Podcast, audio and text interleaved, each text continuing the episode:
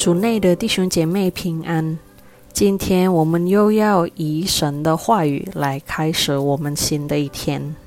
首先，我们要一起祷告。我们在天上的父，我们感谢你赐给我们机会来感受新的一天。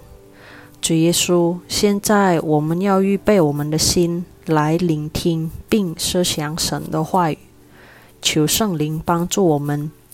在我们阅读经文和思考的过程，能够明白神的旨意，也求主帮助我们能够把神的旨意行在我们的生活。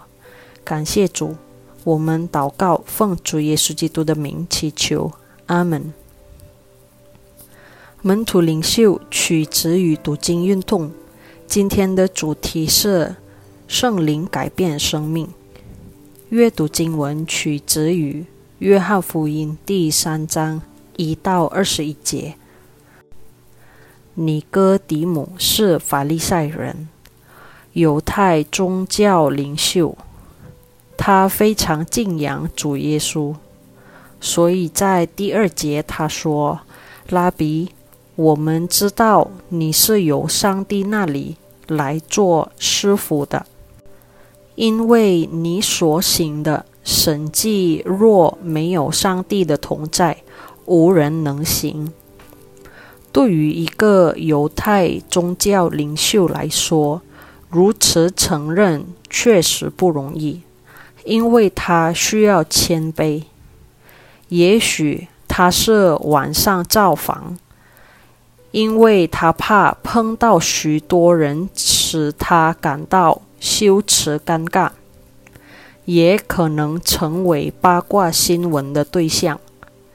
但是在第三和第五节，主耶稣没有回应尼格迪姆的话。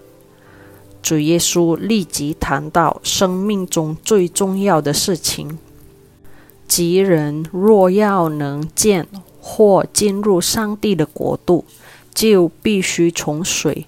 和圣灵重生，请注意，人体中最重要的成分是水分。第六节清楚表明，从水而生是指由形体的生命。因此，要能看见或进入上帝的国度，前提是必须从水和圣灵重生。这是只属肉体的重生后，紧接着信徒靠着圣灵得着生命的更新。这种更新使真正相信或接受主耶稣为个人救主的人们获得能力，获出上帝儿女身份的生命。圣灵的更新工作。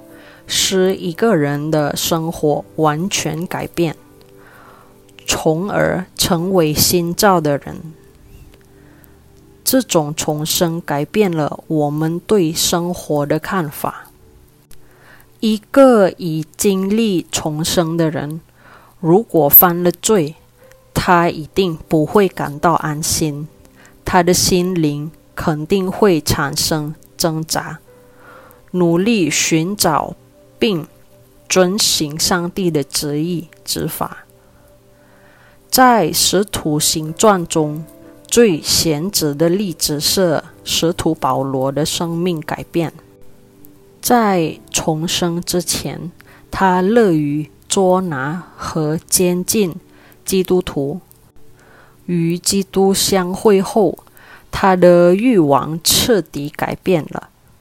他只求生活中能体现上帝的旨意，情愿为主牺牲一切。这种观点上的改变，使他把曾经看似的价值的东西变得一文不值。你是否曾经历过如此的生活变化吗？我们相信基督后的生活。一定要有改变。